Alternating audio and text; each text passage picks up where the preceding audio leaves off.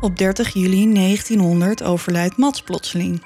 Dat kwam Bel verdomd goed uit, want hij overleed heel toevallig op de dag dat zijn levensverzekeringen elkaar overlapten. Het ziet er naar uit dat de man het bewustzijn gaat verliezen, dus snel vraagt hij de man wat hij zag. De man antwoordt zwakjes. Er waren afschrikwekkende wezens geweest, half mens, half dier. Hij had vreselijk gegil en gejammer gehoord. Het leek wel alsof hij bij de poorten van de hel was beland. Er is een hele lijst met mannen die verdwenen en waarschijnlijk slachtoffers van Bel werden. Christy Hulkven, TJ Tiefland, Frank Riedinger, Emil Tell, P. Porter, Johnny Hunter.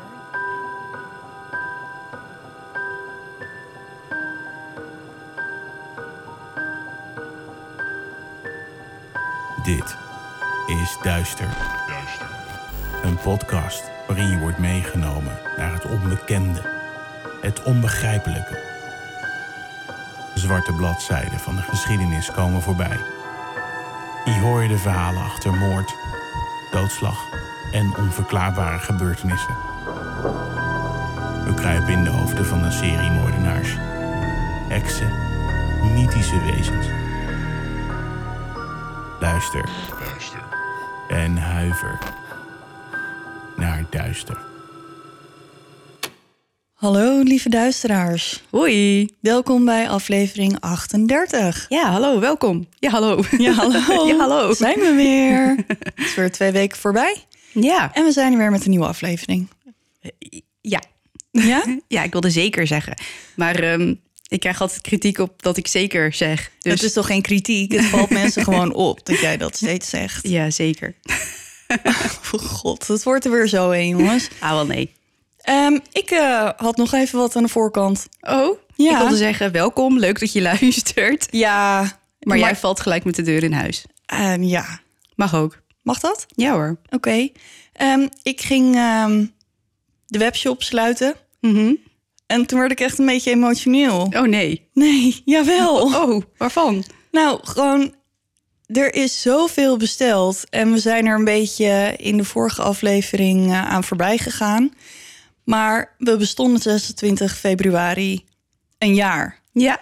En het is niet te geloven hoe hard we in die tijd gegroeid zijn. En wat voor geweldige mensen we inmiddels om ons heen hebben verzameld. Dus ik was gewoon heel dankbaar. En ehm, voor jullie allemaal. Nou, wat lief van je. En ook eh, voor jou. Voor mij? Ja, dat je er bent. Oh, nou ja, ik ben er dus ja. Ja. Nee, maar ik had, nou, ik denk jij ook niet, nooit kunnen verwachten dat het zo, eh, Snel zou gaan. zo snel zou gaan. Nee. Of überhaupt zou gaan. Nee. Dus ehm, nee. Nee. ik wilde jullie gewoon heel graag even bedanken. Nou, lief van je. Ja. En over de webshop gesproken. Ehm, we nemen heel vroeg op nu. Dus tegen de tijd dat dit uitkomt, dan zijn, als het goed is, al jullie pakketjes naar jullie onderweg. Ja. Dus, Dus- één deze dagen gaat je deurbel met hallo. Hallo, ik heb een pakketje voor u. Dus ehm, als je ze binnenkrijgt, stuur dan vooral even een foto naar ons. Want Ja, dat vinden we vinden echt we heel erg leuk. Om ons eh, legertje duisteraar in uniform te zien. ja, zeker. Ah, daar ga ik weer, sorry. Oh, ja, ja, ja, ja. Oké. Nou, dat was het. Heb jij nog iets? Eh, nee, eh, Emily zit gezellig naast mij op de bank. Dus die zul je af en toe wel even horen mouwen. En ehm, nou, ik wil gewoon iedereen van harte welkom heten. Leuk dat je er weer bent. En eh, jij gaat beginnen. Ik ga beginnen.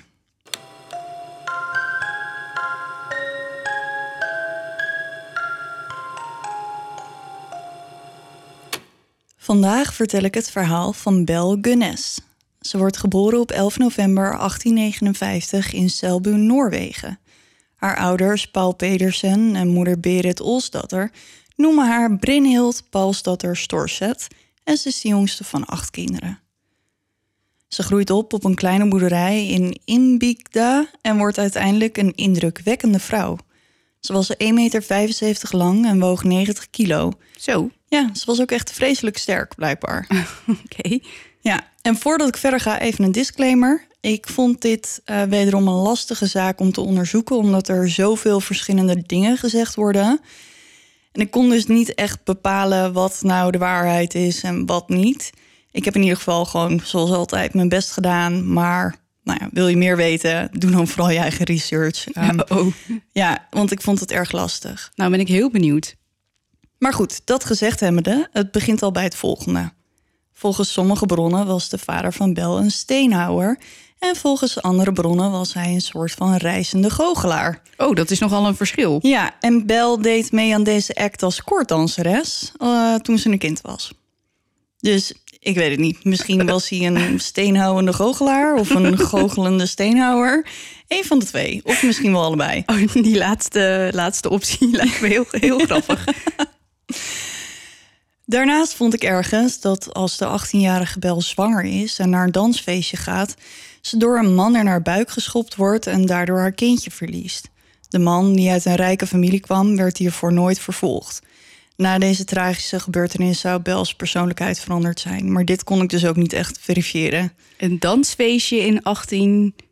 Mm, 1895, wat zei je? Ze is in 59 geboren, 18 jaar later. Een dansfeestje. Oh, wat moet ik me daar dan bij voorstellen? Ja, weet ik niet. Oh, een balavond of zo. Ik denk het, ja. Hm. Ja, er werd in ieder geval gedanst. In 1881 gaat ze haar zus achterna en emigreert naar Amerika. Haar zus Anna emigreerde naar Amerika toen Bel nog jong was en trouwde daar met John Larson en ze woonde in Chicago. Als Bel daar aankomt, gaat ze eerst een tijdje bij haar zus in huis en werkt als bediende tot ze een andere plek voor zichzelf kon vinden. Dit is trouwens ook de tijd dat ze haar naam aanpast naar een meer Amerikaanse variant. Vandaar dat ik er nu dus Bel noem. Oké. In plaats van uh, Brynhild. Brynhild. In 1884 trouwt Bel met een Zweed, Mats Albert Sørensen, en twee jaar later openen ze een winkel. Een snoepwinkel om precies te zijn. Helaas voor het stel loopt de winkel voor geen meter. En heel toevallig, niet lang daarna brandt hun winkel af en niet heel lang daarna hun huis. Oh. Ja, er vielen gelukkig geen slachtoffers bij de branden, maar ze waren wel alles kwijt. Ze strijken het geld van de verzekering op en kopen een nieuw huis. Het stel had vier kinderen: Caroline, Axel, Myrtle en Lucy. Caroline en Axel overlijden als ze nog baby zijn aan acute colitis. En de symptomen van colitis zijn misselijkheid, koorts, diarree en pijn in de buik. En wat wil nou het geval? Dat zijn vaak ook symptomen van een vergiftiging. Hmm. Ze hadden voor beide baby's een levensverzekering afgesloten, die na hun dood werden uitgekeerd. Ze hadden ook nog een pleegkind, Morgan Couch, maar haar naam werd later veranderd naar Jenny Olsen. Op 30 juli 1900 overlijdt Mats plotseling. De eerste dokter die hem naar zijn overlijden zag, dacht aan een strychninevergiftiging. En strychnine komt van giftige planten. Echter was de huisarts van de familie het daar niet mee eens. Hij had Mats behandeld voor een vergroot hart en hij concludeerde dat hij was overleden aan hartfalen. Een autopsie werd daarom niet nodig geacht, omdat zijn overlijden niet als verdacht werd beschouwd. Dat kwam Bel verdomd goed uit, want wat wil nou het geval? Hij overleed heel toevallig op de dag dat zijn levensverzekeringen elkaar één dag overlapten.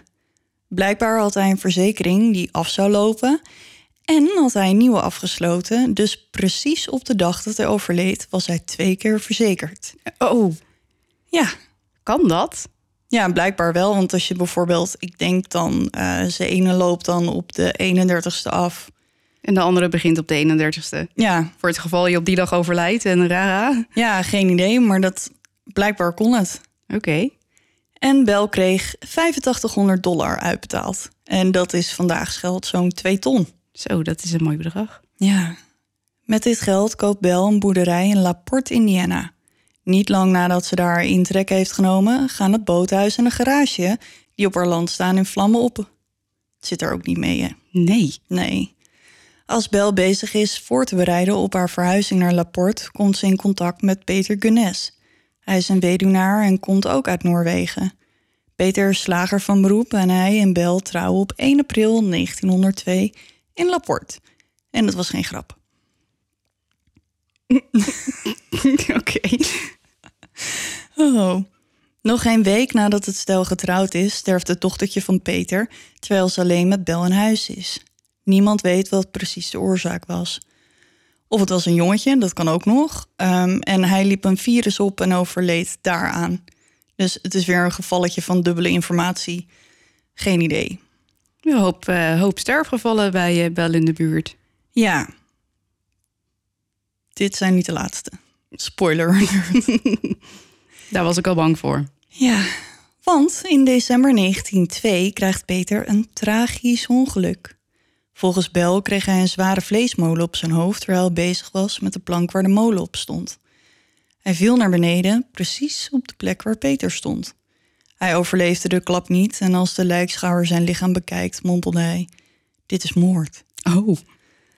En alsof dat nog niet erg genoeg was, vertelde een van Bels kinderen op school tegen een klasgenoot dat haar moeder haar man met een hakmes op het hoofd had geslagen. De politie deed onderzoek naar het ongeval, maar Bel wist het te overtuigen van haar onschuld.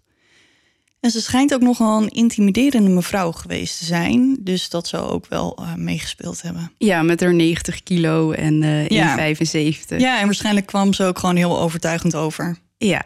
Ja. Of misschien was men een beetje bang om tegen haar in te gaan, omdat ze anders de volle laag zouden krijgen van haar. Ik denk het, ja. Een jaar na het overlijden van Peter kwam zijn broer Gust Peters eh, dochter Swanhild ophalen. En hij nam haar mee naar Wisconsin. Ik denk dat Peter dus twee kinderen had. Denk ik, want er was er één al overleden en deze ging mee. Dus Oké. Ehm, dat. De levensverzekering van Peter keerde na zijn dood 3000 dollar uit aan Bel. En dat is zo'n 70.000 euro in vandaags geld. 70.000? Ja. Jeetje, wat een geld. Vijf maanden na zijn dood beviel Bel van een jongetje die ze Philip noemde. Dus ze was al zwanger toen, eh, toen hij overleed. Mhm. In 1906 begonnen de buren op te vallen dat ze Jenny al een tijdje niet gezien hadden. Ze vroegen aan Bel waar het meisje gebleven was en Bel vertelde ze dat ze Jenny naar LA had gestuurd om daar haar opleiding af te maken. De buren geloofden haar, maar Jenny werd nooit meer gezien. Hmm. In 1907 nam ze Ray Lamphere in dienst als boerenknecht om haar te helpen met klusjes op de boerderij.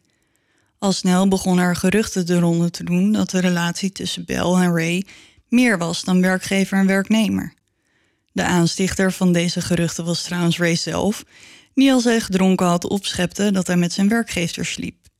Dat verbaasde de mensen uit de buurt, want zij zagen Bell als een potige vrouw die alleen maar in mannen overhals liep en haar eigen varken slachtte. en ik heb, het dus, ik heb dus geen flauw idee waarom het dan zo'n verrassing is dat ze met Ray sliep. Maar oké, Nou ja, misschien zag ze er niet... eh, of misschien eh, zagen mensen haar niet echt als een... als een eh, vrouw of zo, ik, ik weet het niet. weet of het ook vrouwelijk. niet. Of, Misschien, ik weet het niet. ja, en terwijl ze Of niet als een type die seks heeft. Ik denk, dat, ik denk dat dat het misschien is. Maar ja, ze, ze kwam toch ook gewoon met een, met een echtgenoot. Dus het is niet Ja. alsof ze altijd een oude vrijster is geweest... die nooit met een man geslapen heeft, want ze heeft ook gewoon kinderen. Ja, ik weet het niet. Ik, ja, er zal wel een reden voor zijn. Ja, maar nou ja, zo eh, dachten de mensen dus Ja, over. precies. Maar Bel was niet van plan zich lang bezig te houden met Ray. Ze wilde meer, dus ze ging op Tinder. Oké, Eh. nou ja, niet Tinder, ze deed het op de ouderwetse manier... en zette een advertentie in alle belangrijke kranten in Chicago en andere grote steden. De advertentie luidde als volgt. Persoonlijk. Mooie weduwe met een grote boerderij in een van de mooiste districten van LaPorte County, Indiana, wil kennismaken met een evengoed voorziene heer met het oog op het samenvoegen van fortuinen. Antwoorden per brief worden niet in overweging genomen, tenzij de afzender bereid is het antwoord op te volgen met een persoonlijk bezoek. Met andere woorden, Bel was op zoek naar een rijke nieuwe echtgenoot. Ja. Oké. Ja, zo deed je dat vroeger. Ja, ja, ja, weet ik, weet ik. Bel kreeg verschillende reacties op haar advertentie en binnen de kortste keren werd Bel met vreemde mannen gesignaleerd. Bij deze gelegenheden droeg Bel haar mooiste kleding en was haar haar keurig gekapt. Haar, buurtgen haar buurtgenoten herkenden haar haast niet, want ze waren dus altijd gewend om haar te zien in haar mannenoverals. Ja, met haar potige Met haar uiterlijk. potige uiterlijk. Ja. Een van deze mannen was John Moe uit Elbow Lake, Minnesota. Hij had meer dan 1000 dollar meegenomen om haar hypotheek af te betalen, zo vertelde hij de buren. Bel stelde hem voor als haar neef. Na nog geen week op de boerderij werd hij nooit meer gezien. Na John kwam George Anderson uit Tarkio, Missouri. Hij wilde Bel's hypotheek wel afbetalen als ze met hem zou trouwen. Oké. Ja. Maar die andere had toch ook die hypotheek betaald? Ja. Maar ze loog en ze zei... Mijn hypotheek moet afbetaald worden. Ja, dus als jij dat doet, dan kunnen we trouwen. Oké. Later die avond schrok George wakker uit een diepe slaap. Hij lag in de logeerkamer van Bel en als hij zijn ogen open doet, ziet hij Bel over zich heen gebogen staan. Ze heeft een kaars in haar handen en staart hem aan. Later verklaarde hij dat de uitdrukking op haar gezicht zo sinister en moorddadig was dat hij een luide kreet slaakte waarop Bel onmiddellijk de kamer uitrende zonder een woord te zeggen. Het zat George dwars. Hij was bang en hij voelde zich ongemakkelijk. Hij was ervan overtuigd dat Bel van plan was om hem te vermoorden. Hij sprong uit bed, kleedde zich zo snel als hij kon aan, pakte zijn spullen en vluchtte het huis uit zonder afscheid te nemen. Hm. Nou, dan moet je wel heel geschrokken zijn van, ja. uh, van degene die boven je hing. De volgende was Ole B. Butsberg, een oudere weduwnaar uit Eola, Wisconsin. Hij werd voor het laatst levend gezien bij de Laporte Savings Bank op 6 april 1907. Hij nam daar een hypotheek op zijn land in Wisconsin, dus op zijn eigen land en niet op de boerderij van Bell. Hij tekende een akte en kreeg een paar duizend dollar in contanten. Ole had twee volwassen zonen, Oscar en Matthew. En zij hadden geen idee dat Ole naar Laporte was gegaan om Bel op te zoeken. Gelukkig had Ole voor zijn vertrek tegen zijn buren gezegd waar hij naartoe ging.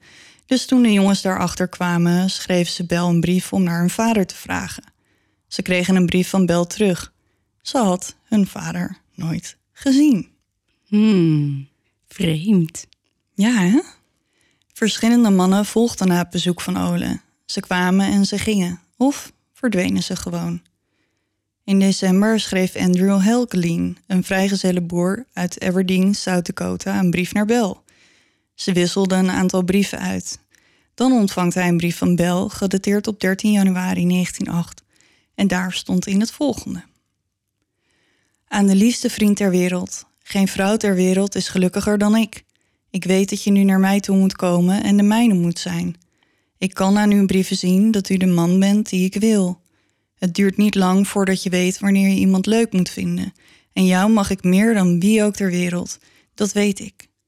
Bedenk hoe we van elkaars gezelschap zullen genieten.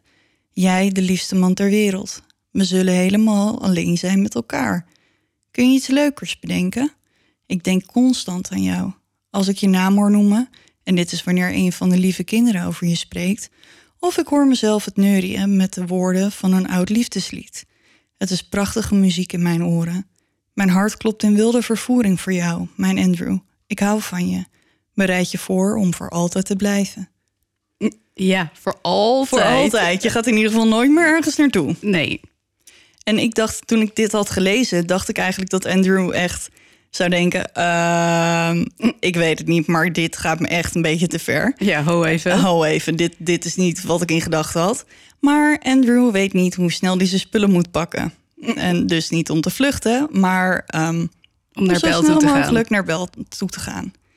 Hij had een cheque van 2900 dollar bij zich. Dat had hij opgenomen bij zijn plaatselijke bank voordat hij naar Laporte vertrok. Een paar dagen nadat Andrew was aangekomen, gaan hij en Bel naar de bank in Laporte om het geld te storten. Rond diezelfde tijd kreeg Bel problemen met Ray, haar boerenknecht. Ray was vreselijk verliefd op Bel en hij deed alles voor haar.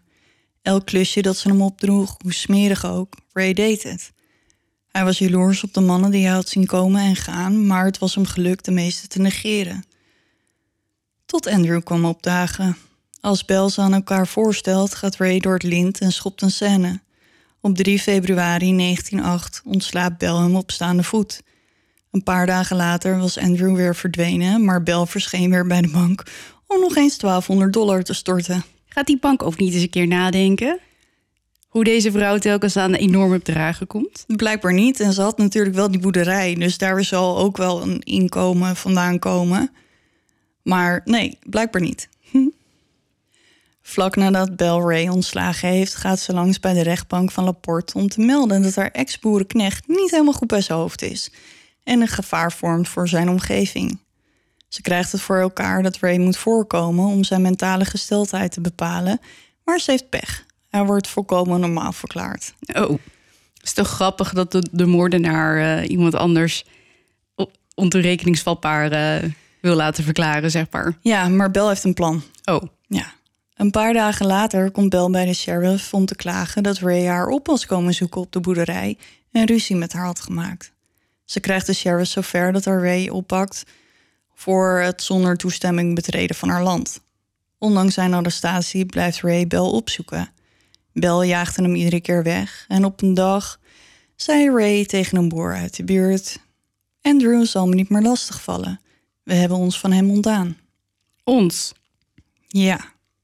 Oh, Ray mag dan blij zijn dat Andrew niet meer in de buurt is. Er is iemand die zich zorgen om hem maakt. Zijn broer Asle begon zich zorgen te maken toen Andrew niet thuis kwam na zijn bezoek aan Bel. Hij schreef Bel een brief om te vragen waar Andrew was.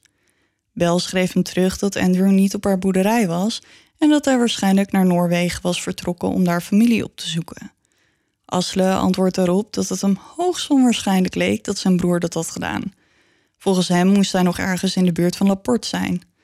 Bel reageerde daarop dat hij welkom was om naar zijn broer te komen zoeken, maar als hij wilde dat ze zou helpen zoeken, dan moest hij haar wel betalen voor haar tijd. wat? Ja, dat is toch belachelijk? Ja, dat is het ook. Dat je gewoon, ja, prima, en ik wil je wel helpen, maar dan moet je me betalen. Ja. Ja, ik eh, vind Bel een bijzondere vrouw. Ondertussen is Bel nog steeds bezig met haar campagne om Ray in een kwaad daglicht te stellen. Ze gaat naar een advocaat en vertelt hem dat ze vreest voor haar leven en dat van haar kinderen omdat Ray had gedreigd haar te vermoorden en haar huis in de fik te steken. Ze wilde graag een testament op laten stellen voor het geval dat hij zijn dreigementen uit zou voeren. Hij maakt haar testament, ze laat alles aan haar kinderen na. Ze gaat alleen nooit naar de politie met het verhaal. En dat is dan wel weer een beetje gek. Ja. In februari 1908 neemt Bell een nieuwe knecht aan, genaamd Joe Maxon, om haar te helpen met de boerderij. Een paar maanden later wordt hij in de vroege uurtjes van 28 april 1908 wakker. Hij ruikt rook in zijn kamer, die zich op de eerste verdieping van Bells boerderij bevindt. Als hij de deur naar de gang opendoet, ziet hij een muur van vlammen. Hij schreeuwt Bells naam om haar te waarschuwen, maar hij krijgt geen reactie. Hij slaat de deur dicht en springt dan, in alleen zijn ondergoed, uit het raam. Hij overleefde het ternauwernood.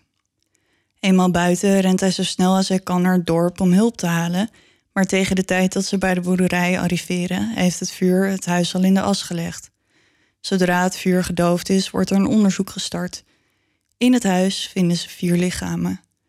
Ze vinden het onthoofde lichaam van een vrouw en drie kinderen. Sheriff Albert Smoetser, die de verhalen over Ray en zijn obsessie met Bel gehoord had, keek eens goed naar de plaats delict en kwam tot de conclusie dat er een misdaad gepleegd was. De brand was aangestoken en de slachtoffers vermoord. Hij stuurde twee van zijn agenten de ruïne in om naar het missende hoofd te zoeken en twee anderen om Ray op te pakken. Als ze de boerenknecht ondervragen, ontkent hij alle betrokkenheid bij de tragedie. Volgens hem was hij niet eens in de buurt van de boerderij toen de brand woedde. Helaas voor hem was er een jongen uit de buurt die Ray bij de boerderij weg had zien rennen toen de boerderij in Lichterlaaien stond. Ray werd gearresteerd en aangeklaagd voor moord. Hij bleef volhouden dat hij onschuldig was, maar er was niemand die hem geloofde. In de eerste instantie gaan de onderzoekers ervan uit dat de lichamen die gevonden werden in de boerderij die van Belle en haar drie kinderen waren. De elfjarige Myrtle, de negenjarige Lucy en de vijfjarige Philip. Maar al snel waren ze er niet meer zo zeker van.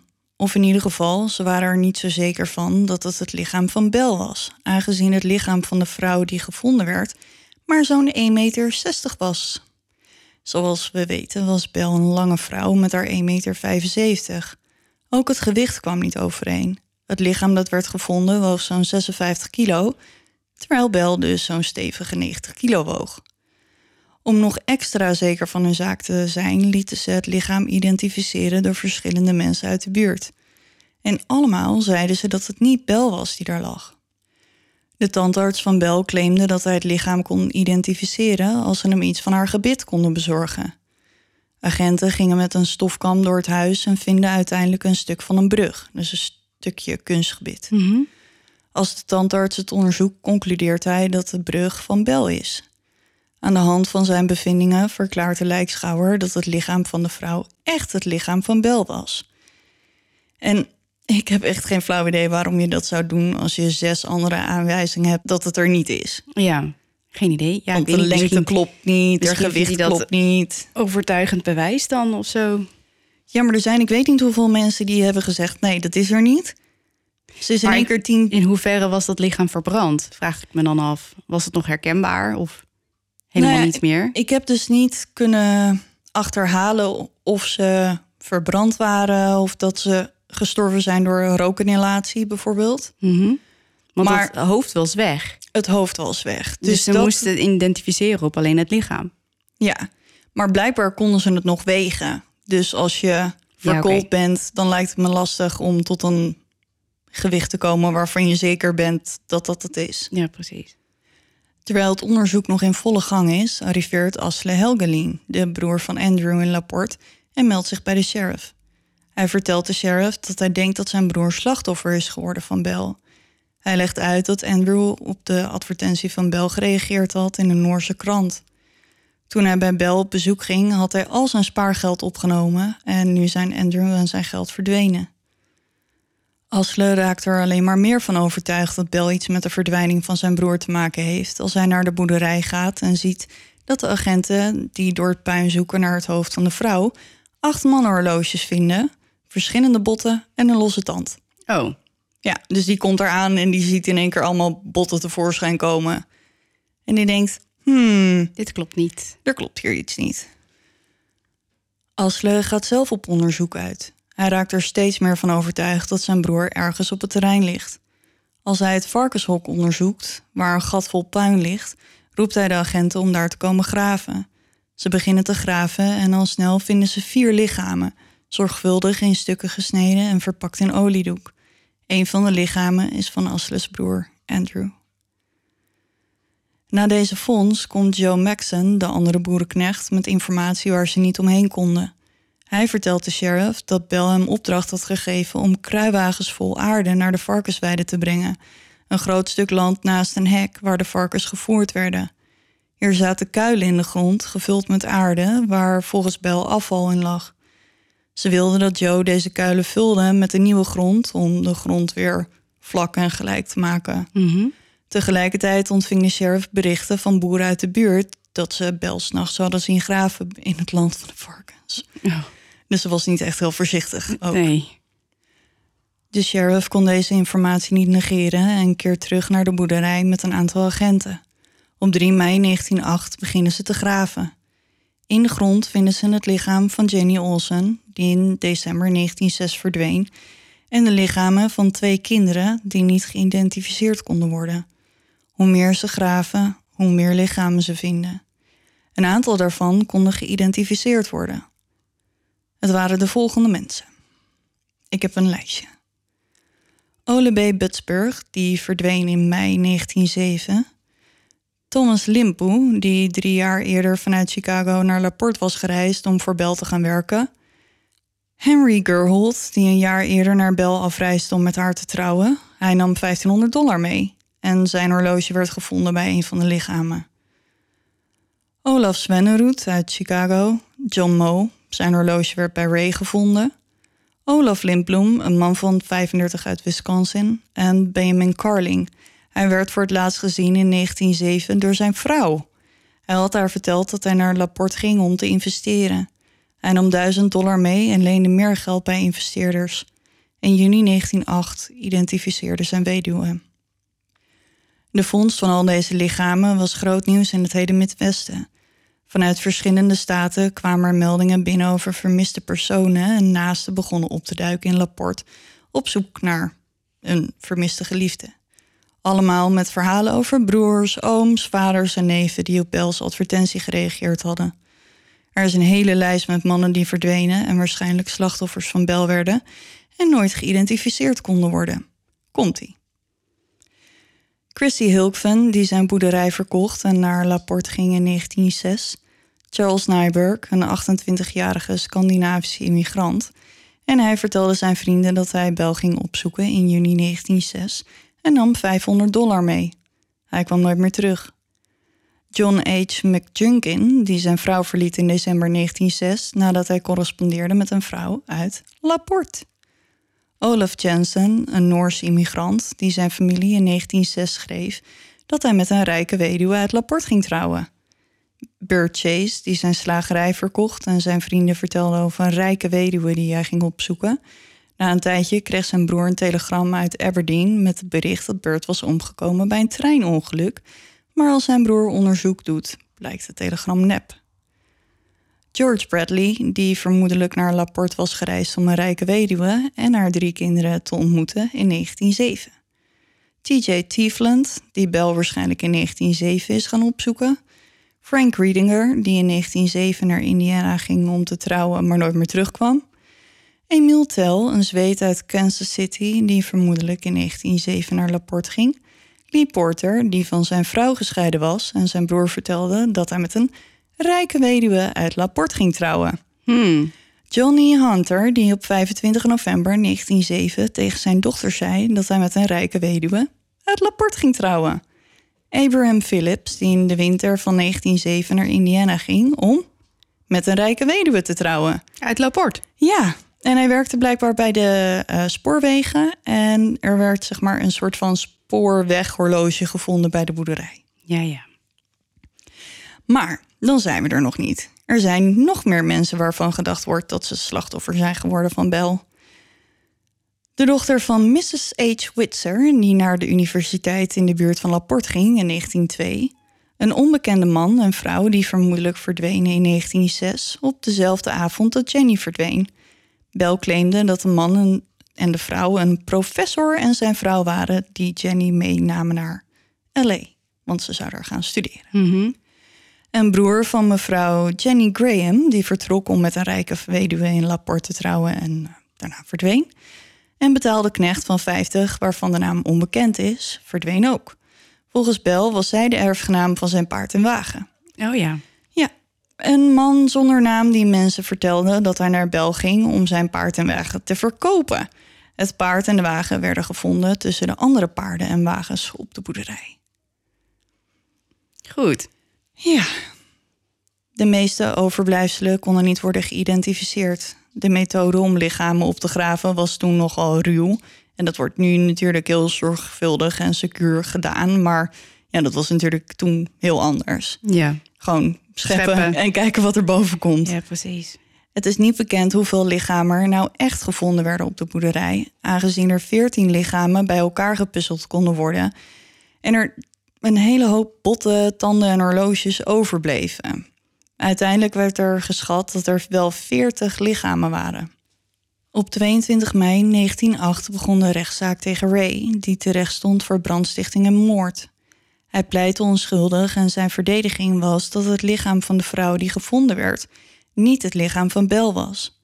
Zijn advocaat zei dat de brug die gevonden werd op het plaatsdelict daar expres neergelegd was om de politie op een dwaalspoor te brengen. Uiteindelijk wordt Ray schuldig bevonden aan brandstichting, maar niet aan moord. Op 26 november 1908 kreeg hij 21 jaar opgelegd. Jeetje. Ja, maar op 30 december 1909 overleed hij in de gevangenis aan TBC. Ach, Ja, dus dat heeft niet eh, lang geduurd. nee. Een paar weken later kwam er een dominee met het verhaal dat Ray bij hem gebiecht had voordat hij overleed. In deze biecht vertelde hij details over Bells misdaden en hij was ervan overtuigd dat ze nog steeds leefde. Hij vertelt de dominee en iemand uit de gevangenis dat hij nog nooit iemand vermoord had, maar Bel wel had geholpen met het begraven van de lichamen. Volgens de dominee vertelde Ray hem hoe Bel te werk ging. Als er een nieuwe man op de boerderij verscheen, zette ze haar beste beentje voor en kookte een uitgebreide maaltijd. Na het eten gooide ze een verdovend middel in zijn koffie, wachtte tot hij buiten westen was en bewerkte dan zijn hoofd met een hakmes. En als ze daar geen zin in had, dan wachtte ze gewoon tot de man sliep, ging naar zijn kamer en bedwelde hem dan met chloroform. Zodra haar slachtoffer niet meer leefde, bracht ze hem naar de kelder, waar ze het lichaam in stukken sneed, de stukken inpakte en de pakketjes begroef op haar land. Op andere momenten stopten ze de stukken in een vat en bedekten ze, bedekten ze dan met ongebluste kalk. Dus dat is een beetje wat, uh, wat we wel vaker hebben gehoord. En dan wordt het gewoon opgelost. Als ze echt geen zin had, dan gooiden ze de stukken gewoon bij de varkens in het hok, die de lichaamsdelen dan opaten. Lekker. Ja, varkens zijn alleseters. Dus ook mensenvlees. Godver. Moet er niet aan denken. Oké, een kleine, kleine zij, spoortje. Ik had ooit op mijn vakantieadres twee enorme varkens. Die stonden ergens in een stalletje achteraf. En die waren een beetje gevaarlijk. Maar niet dat ze zo gevaarlijk waren. Maar men wilde gewoon niet dat, ze, dat we bij ze in de buurt kwamen. Ja. Dus er werd al gauw geroepen, als je daar in de buurt komt, daar vreet je op. Dus nou ja. Nou, dat is de kern van waarheid in. Ja, dat hoor ik nu ook. Ja. Ray wist de dominee ook te vertellen van wie het lichaam was dat gevonden werd in de ruïnes. Volgens hem had Bel de vrouw uit Chicago naar Laporte gelokt onder het voorwendsel dat ze haar in dienst zou nemen als dienstmeisje. Volgens Ray verdoofde ze haar en sloeg haar schedel in. Toen de vrouw dood was, onthoofde ze haar, hing gewichten aan het hoofd en gooide het in een moeras in de buurt.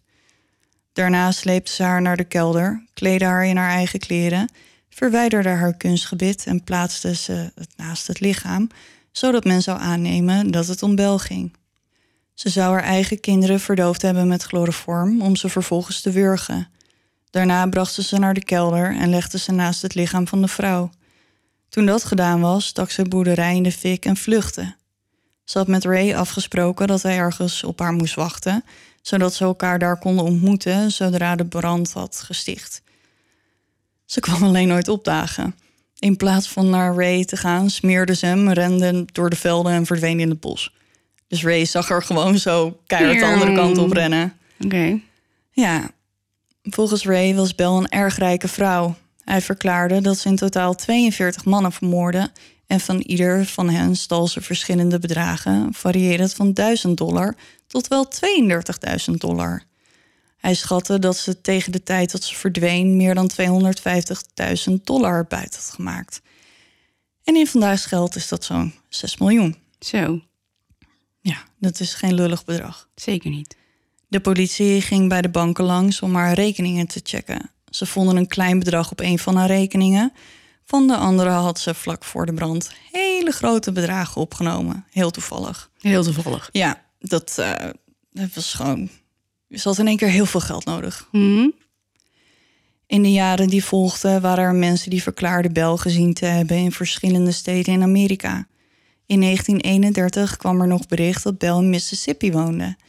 Ze zou daar heel veel onroerend goed hebben en het leven van een vooraanstaand burger leiden. Hmm. In een ander bericht werd gesuggereerd dat Bell door het leven ging als een vrouw genaamd Esther Carlson, die in 1931 werd gearresteerd in Los Angeles voor het vergiftigen van August Lindstrom op 9 februari 1931.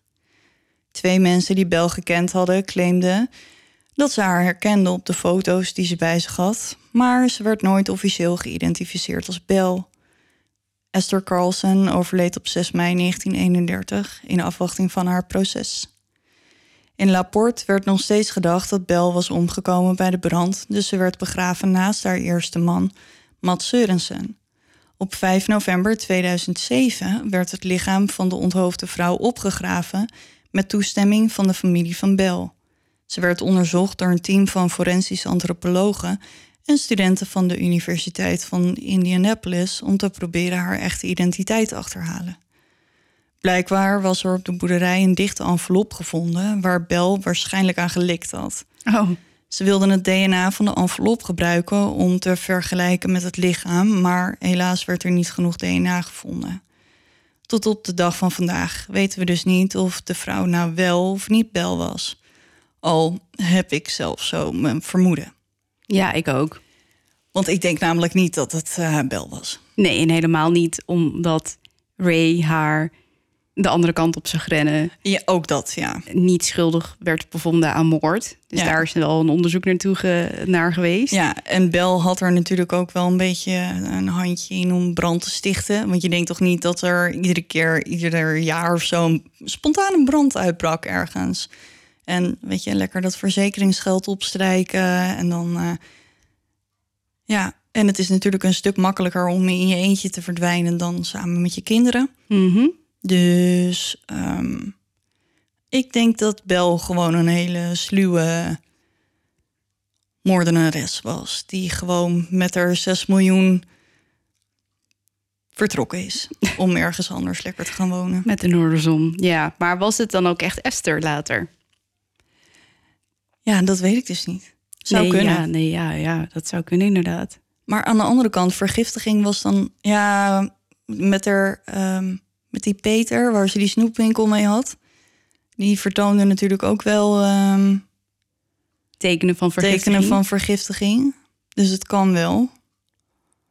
Hij zat sowieso niet echt één stijl of zo. Nee, al Ja, was het in wel... stukjes snijden daarna. Ja, en volgens mij was het wel echt verdoven en dan moorden.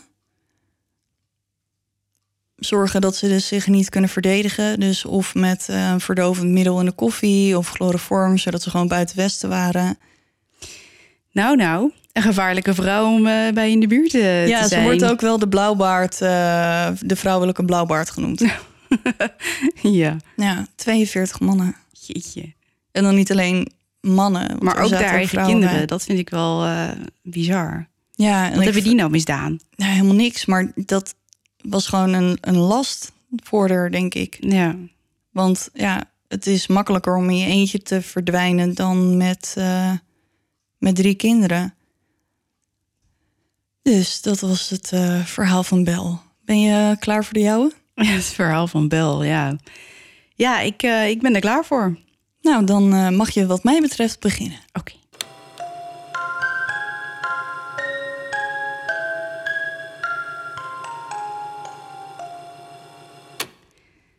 Vandaag gaan we naar Tsjechië. Wat leuk. Ja, ik dacht ik doe ook iets Europees. Nou, wat leuk. Diep in een eeuwenoud kasteel bevinden zich naar verluid de poorten van de hel. Ik ga je het verhaal vertellen van kasteel Huska. Oh, die hebben, volgens mij hebben we best wel veel berichtjes gehad van mensen dat ze deze graag wilden horen. Dus ik denk dat die heel blij zijn. Oh ja? Ja? Oh, die zijn langs me heen gegaan. Maar ik, eh, nou ja, voor jullie dan. In het jaar 827 wordt in opdracht van de Tsjechische prins Slavibor een houten fort gebouwd voor zijn zoon Hozek. Slavibor is geliefd. Hij staat erom bekend goed voor zijn volk te zorgen.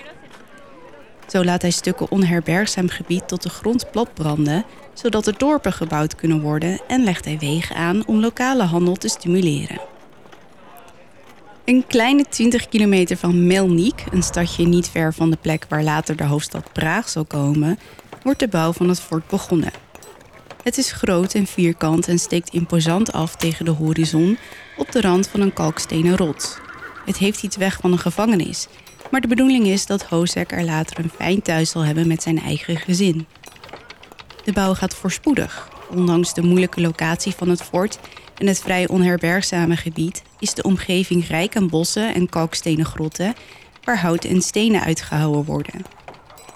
Naast het feit dat Slavibor professionele bouwers in dienst heeft, zijn er ook veel vrijwilligers die meehelpen, zodat de zoon van hun geliefde prins een mooie plek zal krijgen.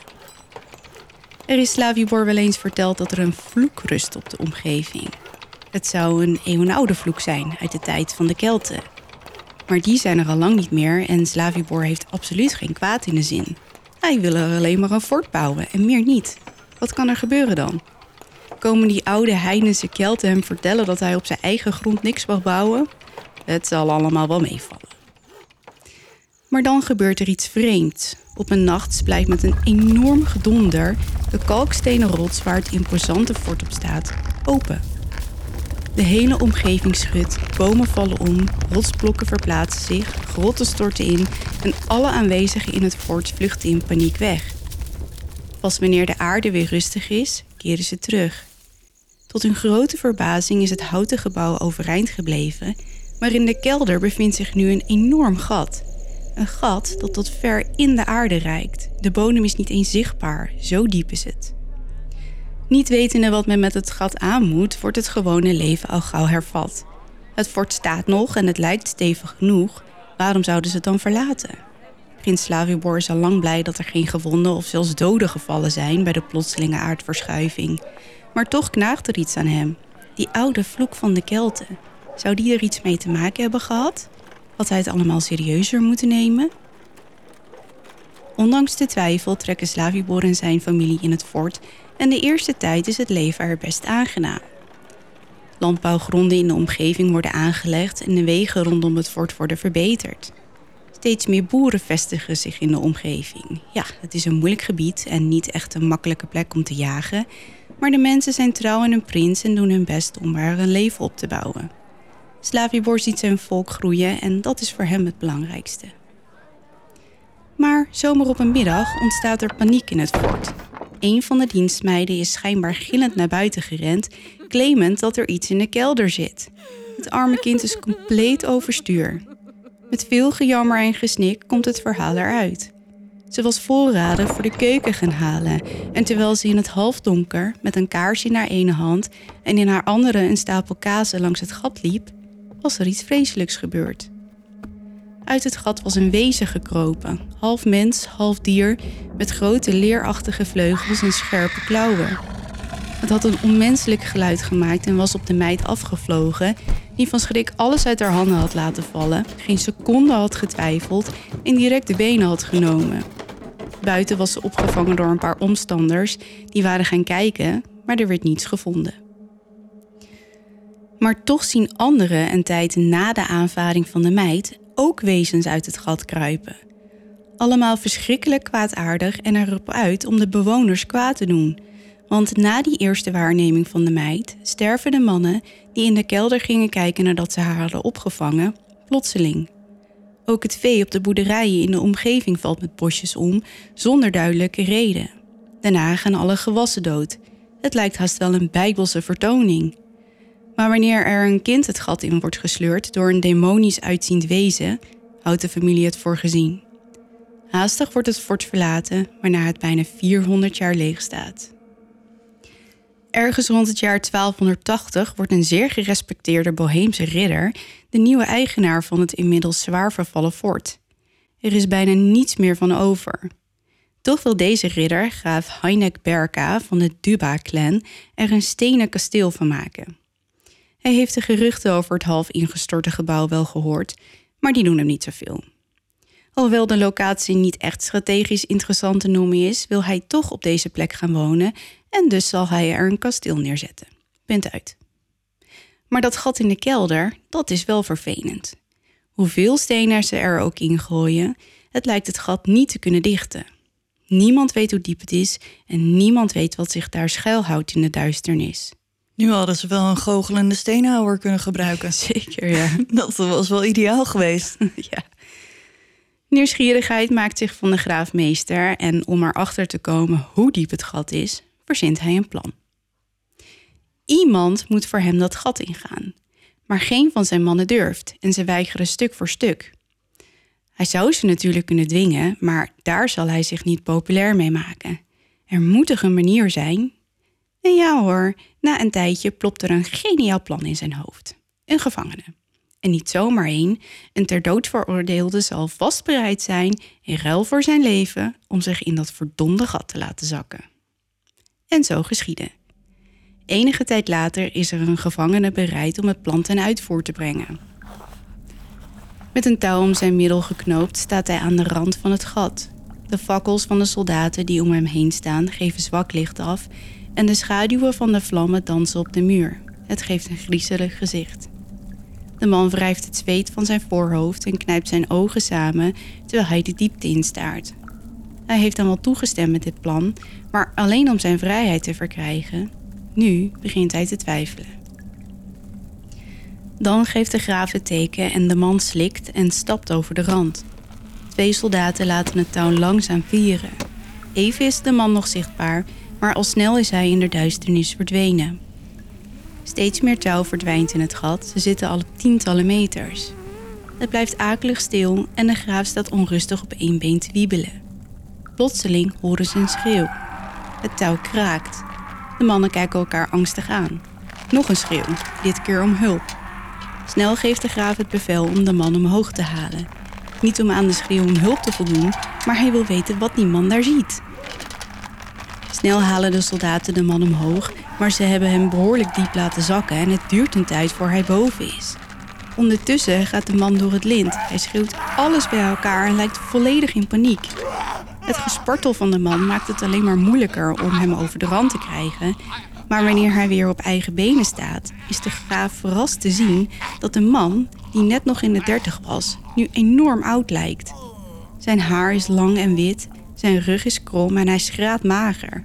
Zijn vingers staan scheef en zijn benen kunnen hem nauwelijks nog dragen. Met bloeddoorlopen ogen kijkt de jammerende man naar de graaf.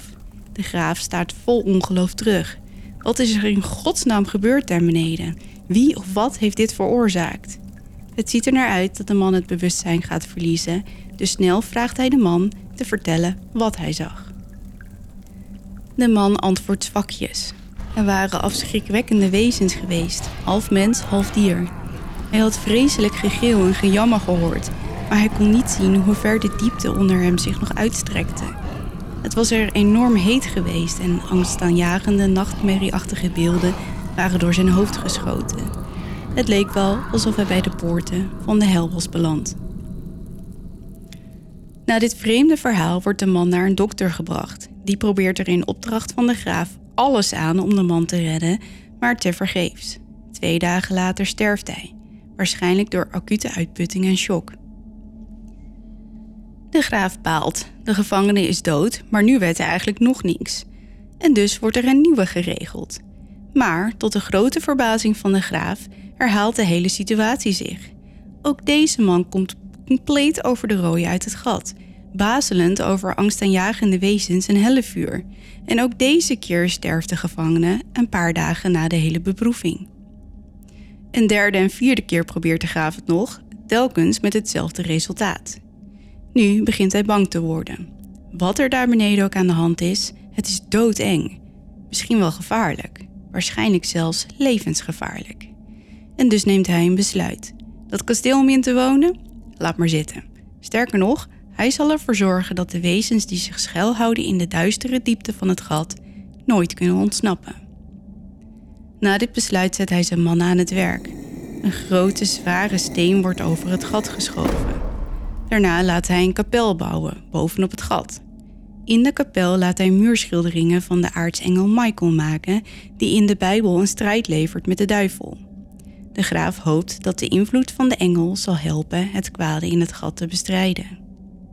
Daarna wordt er een stenen muur om de kapel heen gebouwd en daaromheen nog een muur, op sommige plaatsen zelfs nog meer muren. Het nu volledig stenen gebouw is vierkant en is op sommige plaatsen wel 5 meter dik.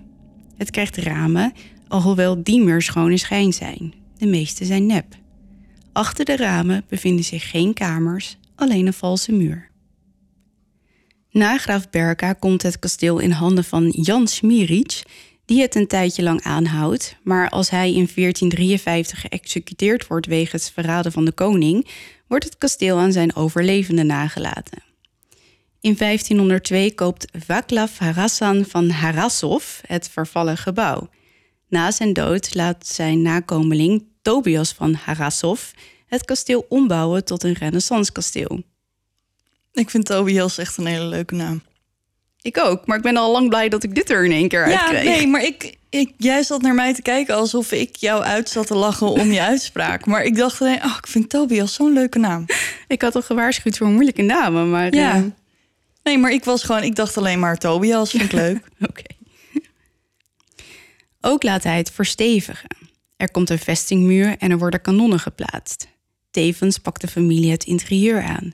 Het kasteel krijgt een iets charmanter uiterlijk in renaissance-stijl. De meest opvallende kenmerken van de nieuwe inrichting zijn de gotische vormen en de zogenaamd groene kamer, dat een plafond heeft met een kruisribgewelf en versierd is met renaissance schilderijen. En een kruisribgewelf plafond, om het even voor je te zien. Denk aan een oude gotische kerk met pilaren met een bogenplafond. Ja, En bij een kruisribgewelf ehm, kruisen de bogen zich, waardoor je dus in het midden een kruis krijgt. Ja. Ik ga daar een plaatje van posten. ja nee, ik, ik zie het voor me. Maar ehm, Eh, ja goed. maar- ik hoop dat iedereen... ja, eh, nou, je, je, je vindt het bij de show notes, dan weet je waar ik het over heb. Daarna volgden vele eigenaren elkaar een ramptempel op. Maar na de Dertigjarige Oorlog, die woedde tussen 1618 en 1648, staat het kasteel weer leeg. En geven de lokale autoriteiten het bevel om verschillende kastelen en vestingwerken in de regio te laten slopen, waaronder kasteel Huska. Tijdens die oorlog had de Zweedse commandant Oronto Huska als een van zijn strongholds gebruikt. Oronto stond bekend als magier en alchemist die vrede onsmakelijke experimenten in zijn kasteel uitvoerde. Tijdens zijn bezetting werden zijn soldaten een schrik voor de plaatselijke dorpsbewoners. Ze vermoorden en verkrachten jonge meisjes en slachten alle twee af. Uiteindelijk waren twee jagers bereid om de gevolgen te riskeren en midden in de nacht naar Huska te sluipen en Oronto door een raam neer te schieten, terwijl hij aan het werk was in zijn laboratorium om het elixir van het eeuwige leven te ontdekken. Zijn er alchemisten die dat niet geprobeerd hebben om te doen? Ik denk het niet. Nee, hè? ik denk dat dat wel zeg maar het ultieme doel van de of goud maken Ja, of ehm, het eeuwige leven. precies. Volgens mij was er niet echt iets anders. Nee. maar het is hem niet gelukt dus. Nee, dat zal wel niet. Anders was denk ik commandant Oronto van de Zweden iets bekender geweest dan dat dan hij nu was. ja, inderdaad. Ondanks het sloopbevel van de autoriteiten krijgt het kasteel weer een nieuwe kans. Het blijft overeind, maar het verliest haar vestingstelsel en al haar artillerie wordt verwijderd. De grote vierkante gotische toren, de wallen en alle boerderijgebouwen rondom het kasteel worden afgebroken. Al het bouwmateriaal wordt gebruikt om de slotgracht te vullen. De sloop wordt uitgevoerd door een Italiaanse ingenieur, meneer Pironi. Hij zorgt ervoor dat veel delen van het originele kasteel bewaard blijven. Weer staat het kasteel eeuwenlang leeg totdat Vincent Karel Koenig het in 1823 laat renoveren. Het is in zijn bezit tot 1924, waarna het kasteel gekocht wordt door Jozef Simonek Daphne, en nou doe je weer. senator. Je doet het gewoon weer. Sorry. Ik doe zo mijn best en jij verpest het gewoon weer. Ik had hem eruit kunnen laten, maar ik dacht nee, ik doe het niet. Ik kreeg gisteren nog iemand eh, van iemand een berichtje die zei: eh, wanneer komt er Jozef merch? ja, En we kunnen er bijna niet meer omheen. Bijna niet. Goed, een Tsjechische senator dus. Na uitgebreide reparaties in 1930 wordt het kasteel tot 1939 gebruikt als zomerresidentie voor de familie. Maar dan begint de Tweede Wereldoorlog en komt het kasteel in handen van de Duitsers. De SS wel te verstaan. Hm. In de jaren 40 bezetten de nazi's het kasteel. Er zijn verschillende mythen over zogenaamde occulte activiteiten. De bekendste betreft de bibliotheek van Heinrich Himmler. Himmler was een SS-commandant die geobsedeerd was door de verhalen over Germaanse heidenen. Hij geloofde dat de macht van de oude occulte meesters de naties zou helpen om de wereld te regeren. Mede door deze overtuiging leidde hij een operatie die het doel had om zoveel mogelijk boeken over hekserij, het bovennatuurlijke en het occulte te verzamelen. Zijn collectie bevatte meer dan 13.000 boeken en manuscripten en tijdens de bezetting van het kasteel door de nazi's zou een aantal daarvan daar zijn bewaard. Oké. 13.000.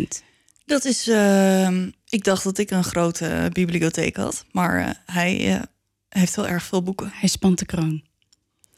Himmler wordt beschouwd als de grondlegger van het esoterisch Hitlerisme. Oftewel, esoterie duidt in essentie op kennis die slechts voor ingewijden en geïnitieerden toegankelijk is.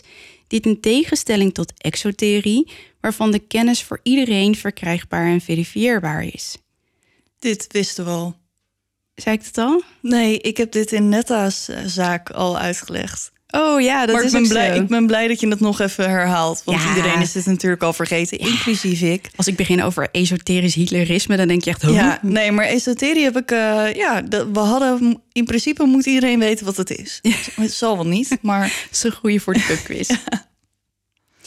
Er wordt gezegd dat een aantal topfunctionarissen in het nazileger, waaronder Hitler zelf, meerdere occulte ceremonies bijwoonden die bedoeld waren om van de macht die vrijkwam na zo'n ceremonie gebruik te maken. Veel ervan zouden hebben plaatsgevonden in kasteel Huska, die de nazi's specifiek uitgekozen zouden hebben om de kracht van de duistere wezens in het gat in de kelder te kunnen benutten. Sommige bronnen melden dat kasteel Huska een van de geheime fokkerijen van de SS was. Een locatie waar jonge vrouwen met acceptabel bloed voor tekmerrie mochten spelen. Oh, In de, de rillingen lopen echt ja, je moet je niet te veel over lijf. nadenken. Nee. Goed, dit in de voortdurende inspanning om het Arische ras te fokken. Maar dat niet alleen. Er wordt gezegd dat de lokale bevolking destijds vreemde lichten zag, bizarre geluiden hoorde en dat er wetenschappelijke experimenten werden uitgevoerd op krijgsgevangenen. Na de oorlog was het nodig om het kasteel en haar omgeving van landmijnen en explosieven te ontdoen en werden de skeletten van drie vermoorde Duitse soldaten gevonden op de binnenplaats. Maar het is niet bekend wat hun doodsoorzaak was. Na de oorlog krijgt de familie Simonek het kasteel terug en laat het in de jaren 90 opnieuw renoveren. En in 1999 wordt het opengesteld voor publiek. Nu het gat dicht is, kruipen er geen demonen meer uit, maar toch rapporteren bezoekers over vreemde wezens.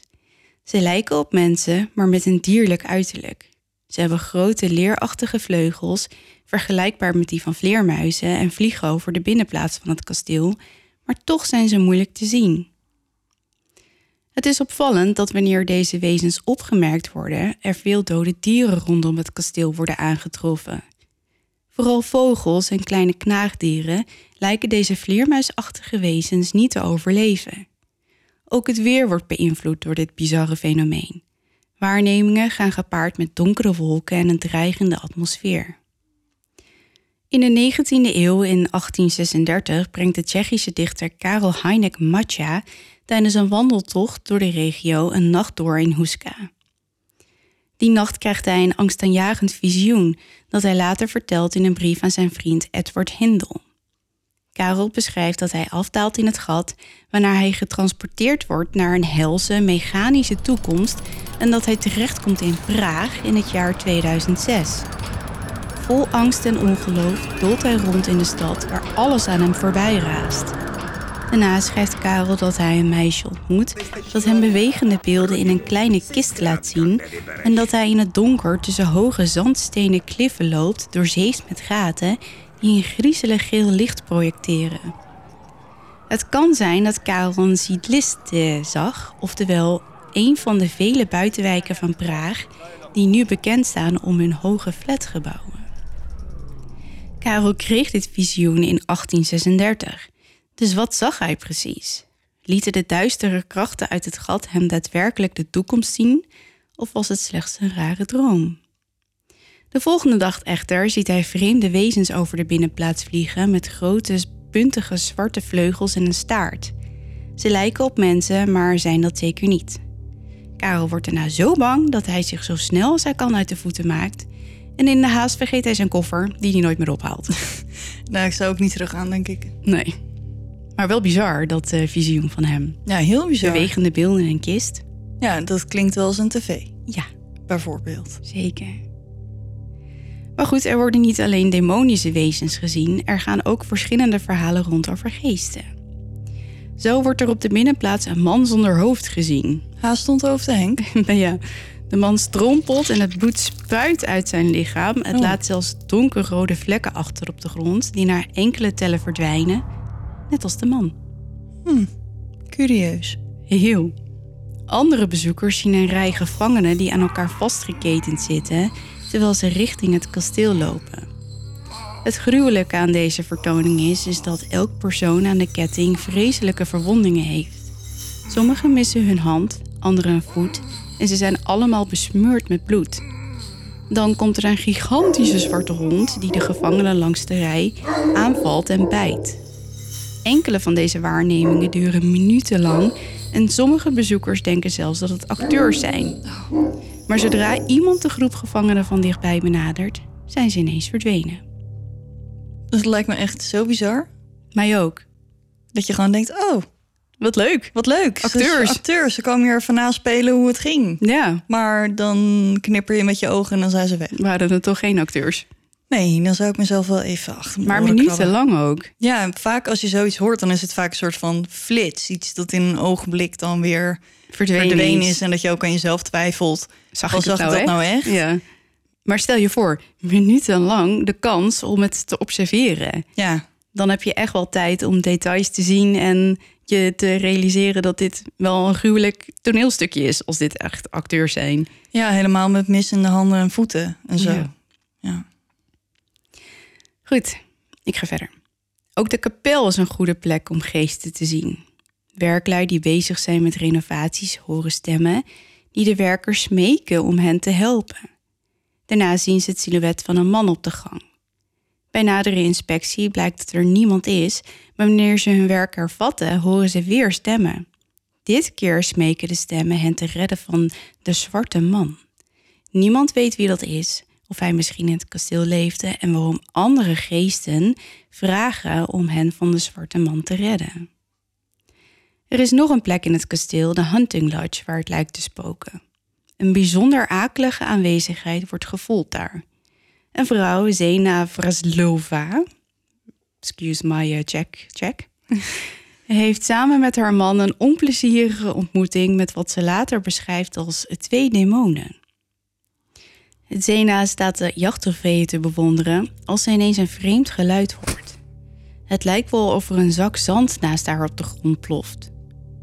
Ze draait zich om en ziet achter haar man twee donkere gestaltes op de trap. Haar ogen worden groot en haar man vraagt haar verschrikt wat er aan de hand is. Zena reageert niet en kan alleen maar naar de twee donkere figuren kijken die nu langzaam de trap afdalen. Ze hebben geen duidelijke kenmerken, maar Zena voelt dat ze gevaarlijk zijn. Ineens zijn ze verdwenen.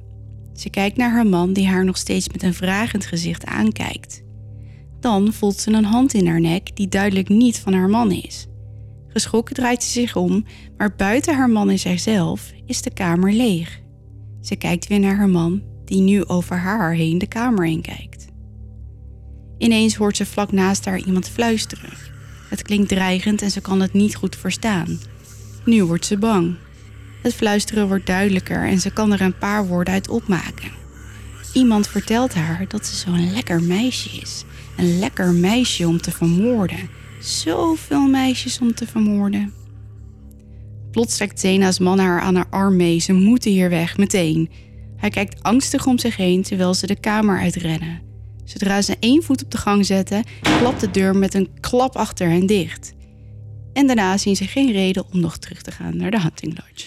ja, ik kan het ze niet kwalijk nemen. Ik ook niet echt hoor. Nee. Goed, een behoorlijk idiote plek dus, als je het mij vraagt. Ja. Eh, ondanks alles wat ik eh, verteld heb, zijn er genoeg mensen die zich tot kasteel Huska aangetrokken voelen. Je kunt er namelijk trouwen. Oh, Alleen garanderen de huidige eigenaren niet dat je geen geest zult zien. Overigens schijnt er nog een woman in white te zijn die uit een vals raam staart. Want die Ja. kan natuurlijk niet ontbreken. nee. En die, ze denken dan dat er een kamer achter zit, maar er zit eigenlijk helemaal geen Nee, kamer. dus zij kan daar onmogelijk Staan. staan. Ja. En er schijnt een moordende priester in een bruine mantel te zijn die mensen aanvalt met een bijl. Eh, schijnbaar houdt niemand daadwerkelijk verwondingen aan de aanval over, alleen een klein trauma. Wat, eh, wat is er mis met hem? Geen idee. En dan heb ik nog een aantal feiten. De naam Huska komt waarschijnlijk van de zoon van prins Slavibor, Hosek. Eh, het gat is niet toegankelijk. Er worden geen onderzoeken gedaan. En dit is met name omdat de huidige eigenaren geen opgraving in het kasteel willen toestaan. Uit angst voor mogelijk eh, het bestaan van onontdekte Duitse explosieven. Oh, ja. Ik dacht dat je ging zeggen duistere dingen. Maar Duitse explosief is natuurlijk ook eh, een mogelijkheid. Zeker. In de kapel is een muurschildering te vinden van een mythisch wezen. Half vrouw, half paard. Houdt ze met haar linkerhand een boog vast. Met de pijl gericht op het hoofd van een mens. En het is vreemd eh, dat die afbeelding waarschijnlijk van een centaur is. Omdat in de middeleeuwen die als heidens werden beschouwd. En ook werd linkshandigheid in die tijd met de duivel geassocieerd. Oh ja. En nog niet zo lang geleden werd je nog met een stok op je handen geslagen als je links Ja, schreef. met een liniaal, hè? Ja. En dan als laatste, Huska dient tegenwoordig als ontmoetingsplaats voor experts op het gebied van occultisme, UFO's en paranormale verschijnselen van allerlei aard. En is het de locatie van talloze conferenties en evenementen. En sommige mensen zeggen dat het kasteel gebouwd is volgens de principes van de heilige geometrie. En een bijgevolg daarvan is dat Hoeska een portaal voor tijdreizen of teleportatie is geworden. En als je denkt, heilige geometrie, Dat dacht ik inderdaad, ja. komt die. Heilige geometrie. Alles in de natuur is gebaseerd op een onderliggende geometrie. Oude beschavingen ontdekten al dat symmetrische vormen niet toevallig voorkomen. Ze zijn overal terug te vinden in de natuur. Denk aan ijskristallen bijvoorbeeld. Veel oude beschavingen, waaronder de Egyptenaren bijvoorbeeld, zagen deze geometrische vormen als het grote mysterie van de schepping. En het doet mij een beetje aan leelijnen denken. Ja, Leelijnen. leelijnen. Eh, nee, maar eh, je moet maar eens eh, denk een beetje aan het oude Oosten, waarbij van die cirkels in cirkels in cirkels zijn. Net Ja. als de Olympische Spelen bijvoorbeeld. Dat is, nou ja, het heeft allemaal met vormen te maken en het is ook een beetje spiritueel. Mhm. Maar omdat het dus daar gebouwd zou zijn, zou het een portaal geopend hebben naar andere werelden. En dat is het verhaal van kasteel Huska, jongens. Ik hoop dat ik aan alle verwachtingen voldaan heb. Vast wel. Ik vond het weer een eh, heel bijzonder verhaal. Nou, deze was lastig, want ik heb echt met Google Translate allemaal Tsjechische sites zitten ja, afwerken. dat zal wel, ja. Want eh, in eerste instantie was er dus geen ruk te vinden over dit hele verhaal. Maar met een boek en eh, Google Translate kom ik uiteindelijk Heel eind. tot hier. Ja, Maar als jullie nog eens van die moeilijke verzoeken hebben, kunnen leren. Maar ik, dat zeg ik. Ik hoop dat ik toch eh, een redelijk eh, goede informatieve aflevering heb afgeleverd. Ja, ik zat te denken, ik ben eh, een tijdje geleden naar Praag geweest. Maar ik wist niet van het bestaan van dit kasteel. Anders was ik wel... Wist je niet van het bestaan van Huska? Nee. Oh, Nee, dat kwam pas Zonde. iedereen berichtjes ging sturen dat je er een verhaal over moest doen. Toen dacht ik, oh, jammer. jammer joh.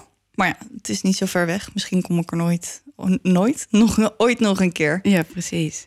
Nou, je kunt het bezoeken. Het zal eh, nu met corona niet echt eh, mogelijk zijn. Nee, Maar eh, ik denk wel dat ze voornemend zijn om na de crisis gewoon weer open te gaan. dat zal wel, ja. Ik denk dat ze daar eh, hun inkomsten vandaan halen ook. Dat denk ik ook.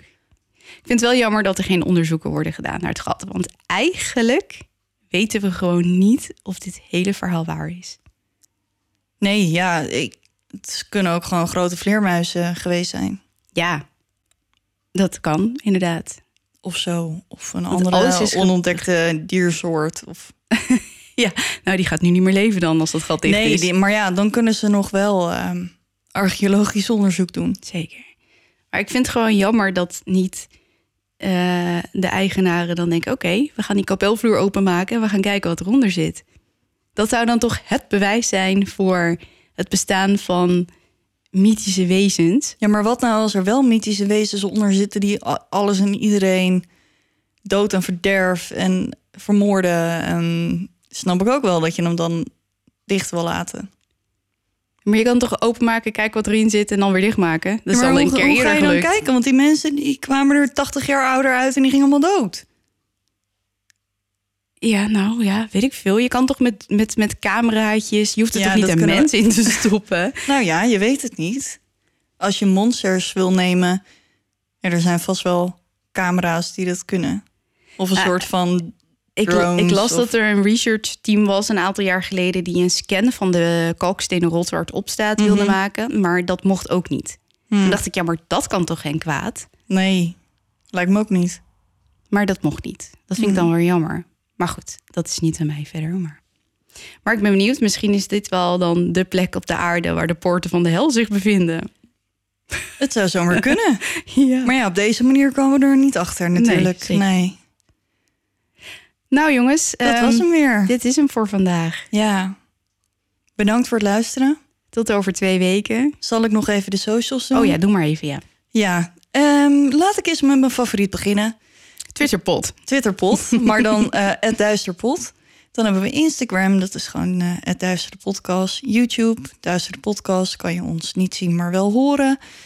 Facebook, dat is eh, facebook.com slash Podcast. Daar vind je ook de Duister Club, onze privégroep. Wil je ons een berichtje sturen, dan kan dat ook nog met het invulformulier. Die vind je op de website duisterepodcast.nl. Daar vind je ook eh, de show notes en de afleveringen. Foto's van een kruisribgewelf. Bijvoorbeeld, ja, dat vind je daar. Ja. Ehm, nou, dan heb ik ze wel gehad. Nou, je vergeet nog één ding. Wil je je eigen verhalen of ervaringen Oh, ja. naar ons eh, toe mailen? Dan kan dat naar mijnverhaal.duisterderpodcast.nl Dat klopt. Nou, dan willen we jullie denk ik... eh, Ik wil jullie nogmaals bedanken dat jullie al een jaar lang bij ons zijn. Veel van jullie. En ehm, ja, ik vind het echt, echt bizar. Ik kan het gewoon nog steeds niet geloven. En eh, ik ben heel blij met jullie allemaal. nou, op naar nog een jaar. Zeker. Dus bedankt voor het luisteren. En onthoud, Blijf in het licht. want je weet nooit wat er in het duister op je wacht.